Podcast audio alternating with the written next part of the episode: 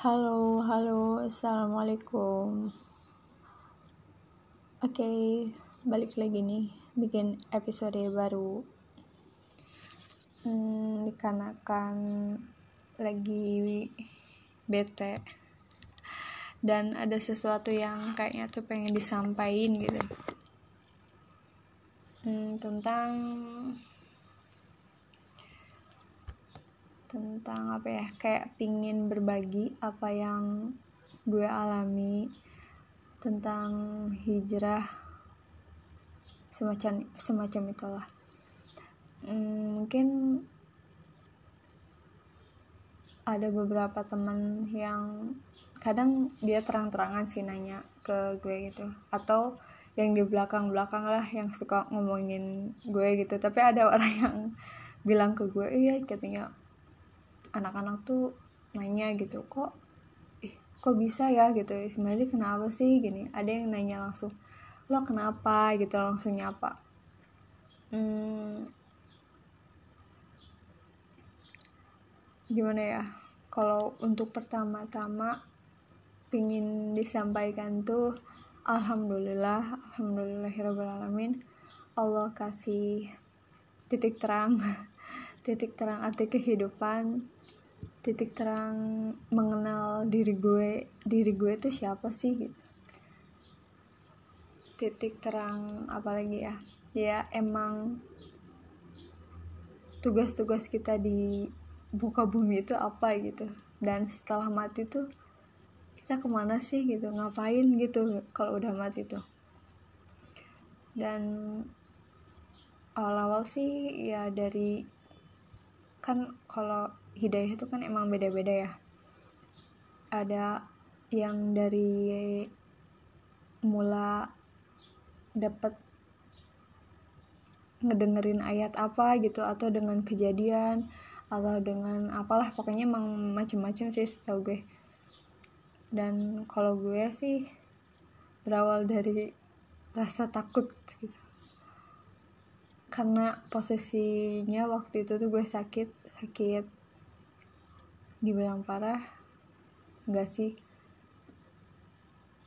Dan kebetulan tuh dari sakit gue tuh udah kronis dari asam lambung ternyata. Dan kenapa juga gue suka bikin apa kayak makanan minuman rempah-rempah kayak gitu. Nah alhamdulillah sih gue juga suka berpikir gitu. Kok gue sekarang jadi kayak gini gitu? Jadi makan ya gimana ya belajar walaupun belum all belajar bertanggung jawab sama diri gue sendiri gitu. Uh, jadi kayak ada yang selalu menggerakkan gitu ya udah masa lo mau gini terus ya? Dan setelah sakit itu ya jadi gue mikir dan gue takut gitu. Pertama takut mati. Takut mati ya masalahnya takut mati terus mikir gitu uh, gue mati juga mau bawa apa? Gitu ya. Amal belum banyak. Tahu arti ya rasa sakit tuh kayak gimana? Kalau udah mati kayak gimana? Itu mikirnya tuh. Makin ke sini takut takut. Dan gue alhamdulillah ya. Dan gue emang percaya sih. Kenapa? Kalau kan ada ya orang yang tahu tahu tentang hukumnya bahayanya ini loh ini ini. Tapi dia tuh tahu tapi karena ketidak ada rasa takutan itu jadi dia tuh nggak menjalankan itu gitu. Jadi makanya gue jadi mengambil hikmahnya perlu gitu perlu banget kita minta sama Allah untuk meminta rasa takut sama Allah tuh penting banget. Soalnya kadang rasa takut itu tuh bisa ngebantu ngepus ngepus up kita gitu biar kita ngejalan ibadah ini amalan ini dan pengen cari ilmu lagi gitu cari ilmu cari ilmu ya karena dari rasa takut itu karena rasa takut sama Allah gitu dan bener sih. Jangan pernah lupa gitu kalau misalnya berdoa juga minta rasa takut ini tuh takutnya cuma buat Allah gitu bukan buat hal yang lain. Biar bisa mendorong lah mendorong kita. Nah dari rasa takut itu ya udah gue hmm, cari belajar belajar belajar dan makin ketahuan gitu ternyata ya Allah gue tuh bobrok banget gitu isi kepala gue tuh gak ada apa-apanya gitu dengan keadaan gue yang mengaku seorang muslim tapi apa gitu kayak bohong aja gitu. Dan gue belajar lagi tentang sampai apa ya mencari mencari makna tentang kayak gue gue yang jujur selama hijrah itu dan setelah gue meneliti gitu ya ke teman-teman orang yang mulai belajar itu emang ujiannya tuh masya allah presurnya tuh ah jangan ditanya deh. Tapi gue su gue suka mikir gitu ya ketika kenapa gitu ketika gue dulu biasa aja yang nggak tahu belajar agama seadanya ya nggak nggak terlalu mendalami lah gitu. Tapi gue ngerasa fine fine aja gitu hidup. Tapi ada satu kekosongan di hati gue dan gue nggak bisa ngerasain siapa sih diri gue gitu. Nah tapi setelah gue hijrah gue dapat kekuatan tapi setelah itu Allah kayak masih berbagai, berbagai macam pressure tekanan sana sini tamparan kiri kanan. Ah masya allah. Dan gue yakin pasti nggak cuma gue doang sih. Terus gue mikir gitu ya kenapa ya pas perbedaannya pas dulu sama pas udah hijrah kayak gini? Dan ketika gue baca-baca lagi terus dapat nilai arti dunia itu ya emang dunia tuh untuk untuk seorang muslim tuh sebagai penjara gitu. Bukan tempat buat enak-enakan bukan tempat buat santai-santaian gitu ya. Kalau kalau kalau iya dunia dikhususkan untuk umat muslim kenapa gitu Allah menyebutkan di Al-Quran sampai nilai dunia itu hanya seba hanya se apa sayap ekor eh lalat sayapnya itu loh. Kebayang gak sih? Nilai nilai dunia tuh hanya sebelah sayap eh, seekor lalat dan kita ngelupain gimana nikmatnya nanti di akhirat gitu. Jadi uh, mem membanding-bandingkan gitu mikir ya Allah dunia tuh dunia segini yang menurut kita masya Allah gitu ya. Di mata Allah tuh hanya dianggap sebagai seekor eh sayap seekor lalat.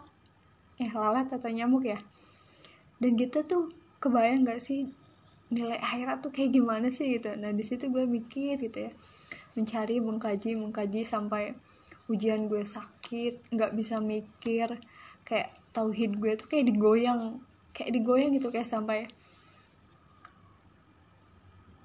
ini tuh gimana sih gitu gue sampai nanya. Ketika gue ketika gue udah mulai hijrah sih udah uh, belajar cari ilmu ini itu. Dan ketika di situ juga Allah uji ketauhid ketauhidan gue tuh kayak digoyang gitu kayak gue tuh capek. Kenapa sih ketika gue belajar mendapati perbedaan ini perbedaan itu? Jadi gue tuh sempat sempat ngerasain kesel gitu sama diri gue sendiri tuh. Sam, ini tuh gimana sih gitu? Kok ini kata ini ini ini kata ini ini gitu. Mungkin dan gue introspeksi diri ya mungkin karena emosional gue pas cari ilmu dulu tuh masih menggebu-gebu dan gue nggak bisa ngontrol emosinya sama ya apa ya ditambah gue keadaan dalam sakit gitu. Jadi bener-bener digoyang. Gue tuh sampai bener pernah mikir Islam tuh bener gak sih? gitu. Ya Allah. Tapi di situ ke apa ya keinginan gue mencari tahu tuh jadi bener-bener ada gitu. Ya udah gue cari tahu dan kalau gue memperbandingkan cari ustadz-ustadz yang tentang pembahasan tauhid kayak dokter Zakir Naik dan banyak lagi. Jadi memperbandingkan gitu dengan agama lain tuh saking bener-bener tauhid gue. Waktu kemarin digoyang banget ya subhanallah. Nah setelah itu ya gue nikmatin aja uh, proses ke sini ke sini. Dan konsep dan gue menerapkan konsekuensi kayak gini ke diri gue. Setelah hijrah tuh banyak sesuatu yang bakal hebat gitu yang bakal terjadi sama gue. Jadi tapi di satu sisi lo jangan kaget. Uh, jangan kagetnya tuh ya kenapa harus kaget gitu? Sedangkan lo sekarang udah memegang keimanan lo. Dan itu buk cara bukti sebenarnya ujian dari Allah tuh mencari bukti masih ada nggak ke, keimanan di dalam diri lo gitu. Ketika lo tiba-tiba di dikasih sakit lah dikasih kecelakaan lah apalah pokoknya sumpek banget gitu. Hat, sumpek dengan keadaan yang benar-benar mempressure lo nah tapi di satu sisi lo kayak ada yang ngajak ada yang ya udah tenang gitu is okay tenang.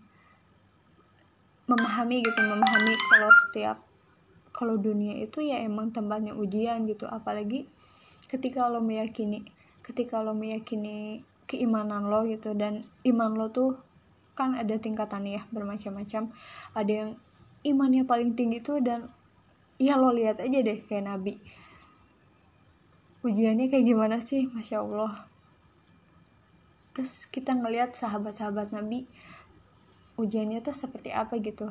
Tapi di satu sisi mereka itu bisa menikmati keimanannya mereka manisnya imannya tuh kayak gimana gitu. Apalagi tentang apa sih uh, tentang oh ya yang gue tuh berpikir gitu ya sebenarnya tuh iman tuh kayak gimana sih gitu sampai mereka tuh orang-orang terdahulu orang-orang yang soleh itu sampai benar-benar teguh gitu ya mereka mereka berani mati berani mati di jalan agama Allah dan mereka benar-benar rela gitu menyerahkan diri dia tuh seperti apa gitu. Dan ada penasaran gitu gimana sih sebenarnya iman tuh kayak gimana gitu. Dan yang paling terngiang-ngiang tuh ketika cerita tentang sahabat Rasul Bilal yang di panggang di tengah padang pasir dan dihempit di atas perutnya tuh pakai batu gitu. Dan Bilal tuh bisa bertahan hanya karena satu kata gitu ahadun ahad. Nah gue tuh suka mikir gitu. Kadang suka suka suka bertanya sih sama diri gue sebenarnya tuh keimanan tuh ada gak sih di diri gue gitu? Hmm ya. Yang uh, suka gitu ya Allah. Gue tuh takut gitu gue ngaku gue ngaku muslim tapi nyatanya tuh kayak gini gitu. Ternyata nggak ada gitu. Dihilang nggak ada apa-apanya. Dan apalagi kalau tentang membahas tentang nanti di akhirat gitu ya hukuman-hukuman tentang pengadilan nanti. Nah dari situ dari situ uh, kalau kata apa ya kalau kata dan menurut gue gitu ya selama ini pengalaman gue gitu ketika kita mau benar-benar belajar netralin hati kita gitu bersihin dari anggap aja kita tuh emang benar-benar bodoh benar-benar kosong dan kita mau menghadapi mau mencapai ilmu-ilmu yang baru yang mau diserap itu. Jadi biar menerap dan biar disaring dengan baik ilmu itu. Jadi pokoknya yang benar-benar mau hijrah semangat. Yang penting yakin dulu tauhid dulu gitu. Kenapa sih kita disuruh ini? Kenapa sih kita harus disuruh kayak gini?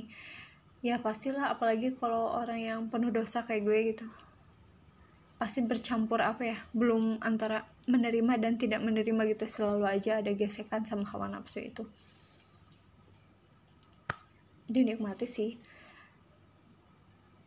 Pokoknya emang dunia itu harus diingat dunia itu tempatnya capek. Mungkin kita bisa ngeliat kenapa sih umat muslim di dunia ini dijajah terus gitu. Kayak di diinjek-injek gitu. Kayak muslim di Palestina mereka dibom mereka dibunuh. Tapi kalau dilihat gitu aku pernah ngeliat dari kisahnya eh kajiannya Ustadz apa ya lupa lagi. Dan ada beberapa hadis Rasulullah yang bilang tingkat keimanan yang paling kuat itu ya di bumi Syam di Palestina gitu. Kadang kita suka mikir ya iya sih gue juga suka mikir gini. Kayak yang tadi uh, kenapa ya umat muslim di negara ini tuh kayak ya diinjek-injek gitu kayak nggak ada bahagianya gitu ya. Ya emang Allah nggak menjanjikan dunia itu buat tempat bahagia gitu. Kayak Palestina. Mungkin kita ngelihatnya ya Allah kita ya Allah kasihan banget gitu ya mereka. Tapi masya Allah ladang pahala ladang nilai surga tuh ada gitu di mereka tuh. Tinggal apa ya? Mati masuk surga gitu di dalam ketegangannya itu eh, rasa takutnya juga dapat pahala gitu. Sedangkan beda gitu yang menurut kita kita di sini tentang dengan aman damai ya walaupun tetap harus disyukuri tapi kita belum tahu gitu belum tentu bias bisa jadi ketenangan ketenangan kita di sini itu malah menjadi membawa kelalaian buat kita gitu. Beda kan dengan mereka yang dalam keadaan guncang dalam keadaan ya ibaratnya gimana sih? Mati mati tuh lo bisa tiba-tiba gitu. Lo lagi tidur juga tinggal siap nggak tahu gitu nggak ada jaminan lo besok besok masih bisa hidup gitu. Tapi pahalanya tuh mengalir gitu berkahnya berkahnya negara mereka tuh yang menurut kita gitu. Dalam keadaan kacau balau dan beda gitu dengan keadaan kita harus dipertanyakan gitu. Mungkin kita senang tenang tapi dalam keadaan lalai gitu. Belum tentu jaminan pahalanya apa gitu. Ya, seperti itu. Hmm, dan uh, apa ya mungkin pertama gue mau me, menyampaikan cerita tentang cara berpakaian mungkin ya. Kayak berkerudung kenapa sih berkerudung gitu. Gue juga pas awal-awal takut tuh karena nemu hadis yang ada nanti orang yang berpakaian tapi seperti telanjang gitu. Ya gue mikirnya sih kita udah panas nih ya capek-capek tapi nggak ada nilainya gitu. Hanya karena pakai kerudung yang nggak menutupi dada misalnya. Dan pakai pakaian yang udah pan yang udah panjang lah ibaratnya seluruh panjang tapi nggak dapat nilai. Tetap aja gitu nilainya tuh seperti kita tidak berpakaian dan tel seperti telanjang. Kan gue mikir cap ya gue udah panas-panas gitu ya pakai kerudung ya udah dah. Uh, gue mending langsung aja deh yang emang udah jamin gitu insya Allah jamin nilainya tuh bener ya oke deh gue pakai tuh. Memulai dengan untuk tidak memakai celana yang berbentuk karena ada hadisnya uh, kita tidak boleh juga menyerupai pakaian seperti lelaki. Nah karena kalau celana itu kan lelaki khasnya lelaki. Jadi di kalau bisa tuh ya gamis atau rok aja minimal. Ya kayak gitu. Terus gue juga mencari-cari gitu ya kenapa sih sebenarnya butuh sih kita tuh kritis gitu. Tapi bukan bukan artinya kritis mengomentari tapi mencari tahu gitu kenapa sih uh, cewek di di Islam itu harus berpakaian bertutup? Ya gue gue mencari ya sampai gue ngerasain karena gue hanya tahu ketika gue disuruh pakai kerudung panjang itu karena itu gitu. Tapi nggak tahu manfaatnya tuh apa. Ya udah gue pakai. Makin hari makin hari gue mikir gitu kenapa kok tiba-tiba di dalam hati gue ketika gue berpakaian kayak gini kok gue ngerasa bener-bener kayak perempuan gitu kayak mulia. Bukannya bukan artinya sok mulia bukan. Tapi ini untuk pribadi gue gitu ya. Kok gue ngerasain kayak iya ya kok gue ngerasa kayak jadi perempuan dan mulia gitu. Kemuliaannya tuh terasa gitu ya buat gue. Sampai ketika ada orang yang ibaratnya orang yang jahil dan ngelewat gitu mereka tuh tiba-tiba kayak tertunduk. Entahlah gitu kayak dan mungkin gue suka mikir gitu oh mungkin ini gitu ya salah satu penjagaan dari Allah tuh ketika wanita disuruh berpakaian tuh ya kayak gini gitu. Beda lagi kan kalau kita pakai pakaian yang senonoh lah kayak gitu pasti orang juga melecehkan kita lah ngejailin kita gitu. Tapi ketika gue pakai kayak gitu gitu jadi kerasa gitu oh ya Allah ini loh gitu. Emang bener gitu. Sampai kalau ya dulu kan pergaulan gue misalnya weh gitu. Kalau ketemu tuh kayak weh kayak teriak lah manggil apalah nyenggol apalah ya mungkin dalam konsep bercanda gitu ya. Tapi ketika gue pengen lucu sih ketika gue dengan udah berpakaian kayak gini kok mereka tuh jadi kayak segan gitu kayak menghormati lah ibaratnya. Masya allah gitu. Eh berarti ketemu lah. Terus dan kenapa gitu disuruh berpakaian tutup tertutup dan gue juga jujur sih ketika gue berpakaian tutup kayak gini tuh kerasa banget bersih banget gitu. Bersih bersih dalam keadaan emang terlindungi dari sinar matahari gitu. Dari kotoran apalah gitu. Gue mikir oh ya mungkin dapat dapat lah ini. Oh ini mungkin aja jawabannya kayak gitu. Terus mencari lagi mencari lagi mencari lagi. Dan pasti intinya tuh lo ya emang niatnya jangan sampai melenceng ya. Tetap kalau harus berpakaian tetap niat karena Allah. Cuma itu hanya bagian bonus dan janji Allah gitu. Bener loh gitu. Kalau pakai pakaian tuh ya kayak gini gitu. Walaupun konsekuensinya dengan kadang hawa nafsu kita dengan aduh ya panas lah males lah ribet lah kayak gitu. Tiba-tiba ngerasa nggak pede lah. Oh ya itu sih yang masih jadi PR buat gue. Kadang gue juga ngerasa ya gue nggak pede lah kalau kalau kalau ketemu sama teman-teman. Tapi dipikir lagi kenapa gue harus nggak pede gitu? Padahal kan apa yang gue pakai udah benar gitu dan emang ini yang harus disiarkan di masyarakat gitu. Jadi giroh mungkin ya giroh giroh keislaman gue tuh belum kuat seperti orang-orang yang sudah terjun di dalam dakwah masya allah ya. Tentang pakaian udah terus apa lagi ya? Dan eh belum sih belum. Uh, ini ada satu lagi. Ketika gue hijrah dalam berpakaian juga uh, apa ya bantingan kiri kanannya jelas selalu ada. Tapi lo harus meyakinkan benar-benar diri lo lo tuh keren gitu lo tuh mampu insya Allah lo tuh mampu. Su terus gue suka pernah ya ngeliat temen gue dia dulu berpakaian tertutup banget. Tapi makin ke sini makin ke sini makin menjauh gitu gue suka bertanya-tanya ya Allah kenapa gitu? Kok bisa kayak gini? Gue suka nanya uh, sama diri gue ternyata emang sebenarnya bukan sombong sih tapi menguatkan diri gue gitu ya. Lo bisa lo bisa me lo kuat gitu. Ternyata emang hantamannya tuh nggak lo sendiri gitu dan di antara orang lain yang sampai lepas kerudung ya nauzubillah dan Allah memilih lo untuk sampai saat ini saat ini tuh untuk tetap kuat gitu tetap teguh. Lo yakin gitu lo bisa lo lo kuat lah lo keren gitu. Meyakinkan sih gitu. Jadi intinya kalau untuk uh, oh ya gue teringat sama kata-kata guru gue yang apa ya dulu lupa lagi.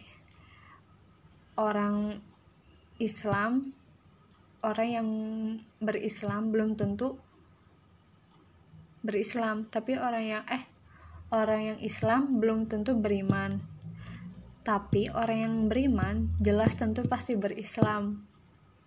Gila gak sih kata-katanya tuh? Mencangkup gitu. Kadang nampol juga sih buat gue. Iya gitu. Jangan-jangan kita tuh hanya mengenal agama doang tapi nggak tahu gitu keimanan kita tuh dipertanyakan. Dan uh, apa ya mem memotivasi sih kalau menurut gue kata-kata kata-kata itu quotes dari guru gue. Uh, dan tips dari gue sih minta doa terus sama Allah biar kita dijadikan manusia yang terus bermuhasabah. Karena kalau nggak kayak gitu takutnya tuh kita dalam keadaan lupa keadaan sombong keadaan apa tapi kita nggak sadar gitu. Ya makanya penting berdoa sama Allah ya Allah aku minta dijadikan manusia ingin dijadikan manusia yang selalu mudah untuk bermuhasabah gitu. Selalu mengoreksi lah gitu jadi biar nggak lupa diri nunggujubillah hmm, apalagi ya? Mungkin tips-tips tips-tips buat teman-teman yang mau memperbaiki diri yang masih enggan susah maksudnya enggan mau ngelangkah ah masih ragu mau ngelangkah masih ragu. Is okay. Itu apa ya manusiawi bukan manusiawi sih. Apa ya kayak hukum hukum alami mungkin ya kayak gitu. Tapi lo jangan kalah gitu. Gue kalau gue mindsetnya kayak gini. Gue percaya ada gue percaya ada setan ada iblis dan emang itu harus diimani kan. Nah da, tapi kita harus mengimaninya tuh dalam hal itu tuh musuh kita gitu. Kita tuh nggak boleh eh itu musuh kita. Ya gue harus ngelawan itu gue harus ngelawan itu. Dan iblis itu yang bakal menyesatkan kita gitu. Dan gue nggak boleh kalah sama mereka. Kayak gitu. Minta ya jelas minta pertolongan terus sama Allah. Dan cari kasih sayang. Lo cari deh gitu. Berpikir gitu kalau lo tahu tentang kasih sayangnya Allah berpikir dia lo bakal meleleh dan di luar meleleh banget gitu. Lo kayak jatuh cinta. Ah gimana sih lebih lebih dari jatuh cinta gitu? Serius. Terus pelajari tentang Rasul kita Nabi Muhammad Shallallahu Alaihi Wasallam itu seperti apa sih pengorbanannya tuh? Apa sih? Ya intinya kalau kalau oh ya tips yang tadi ya gue ulangi lagi. Kalau ia mau mencari ilmu netralin diri kita perbanyak istighfar bersihin diri kita lah supaya ilmu kita tuh nerap gitu. Kadang gue suka mikir kemarin-kemarin gue belajar tapi ada beberapa yang gak nerap oh mungkin karena dosa gitu. Jadi perbanyak istighfar dan istighfar itu gratis coy. Tanpa biaya dipungut pun. Tapi itu bisa menghapus dosa meng melancarkan rezeki kita dan dikasih setiap petunjuk ketika kita dapat kesulitan insya Allah. Ya udah deh udah hampir 30 menit. Sempat uh, sebenarnya ini dari kemarin gitu gue pengen pengen bersuara. Soalnya gue tipikal pendiam. Tapi dengan cara seperti ini gue pengen mengapresia mengapresiasikan gitu apa yang ada di apa yang pengen gue sampaikan itu kayak pengen disampaikan gitu. Dan semoga bermanfaat dan semoga ah oh ya kenapa sih uh, mungkin ada nanya lagi. Kenapa sih uh, postingan lo tuh tentang agama mulu? Ah enggak sih. Gue suka nge-mix nge-mix sama nggak terlalu agak gimana ya? Kalau untuk itu sebenarnya itu tuh sebenarnya itu tuh trik. Trik gimana ya gue ngerasa amal gue dosa gue kayaknya banyak banget daripada amal baik gue. Dan gimana caranya gue menutupi amal buruk gue dan memperbanyak amal baik gue ya dengan cara seperti itu. Ya insya Allah syukur-syukur bisa menjadi amal uh, apa amal pahala gue yang bisa mengalir insya Allah kayak gitu sih. Jadi gue takut kalaupun iya gue mau mem mau memposting hal yang tidak berguna gue takut itu jadi amal dosa jariah gue gitu. Nauzubillah. Ya trik and trick sih. Lah trik and trick buat cari amal insyaallah. Ya. Jadi kalaupun iya gue memposting hal-hal yang lucu emang ya lo tau lah gitu. Ya gue niatnya juga sebenarnya itu dalam keadaan gue sedang menghibur diri gue tapi ketika ada orang yang terhibur ya gue minta ya Allah semoga menjadi amal pahala buat gue nah, gitu. Ya intinya setiap apa yang kita mau lakukan difikirkan dulu lah gitu bermanfaat atau enggaknya gitu karena semua bakal dipertanggungjawabkan. Asik. Oke deh. Oke udah cukup nih udah cukup banget 29 menit hmm, semoga bermanfaat. Ya kalaupun ada yang komentar ya udah nggak apa-apa kita sharing aja gitu. Kita ngebahas apa gitu kalaupun ada yang mau bertanya nggak apa-apa jangan segan nanya aja. Nanti biar siapa tahu dapat hal yang barokahnya gitu. Amin ya Allah. Ya udah deh ya. Semoga bermanfaat dan semoga diluruskan niat kita. Amin ya Allah ya alamin. Dah. Assalamualaikum.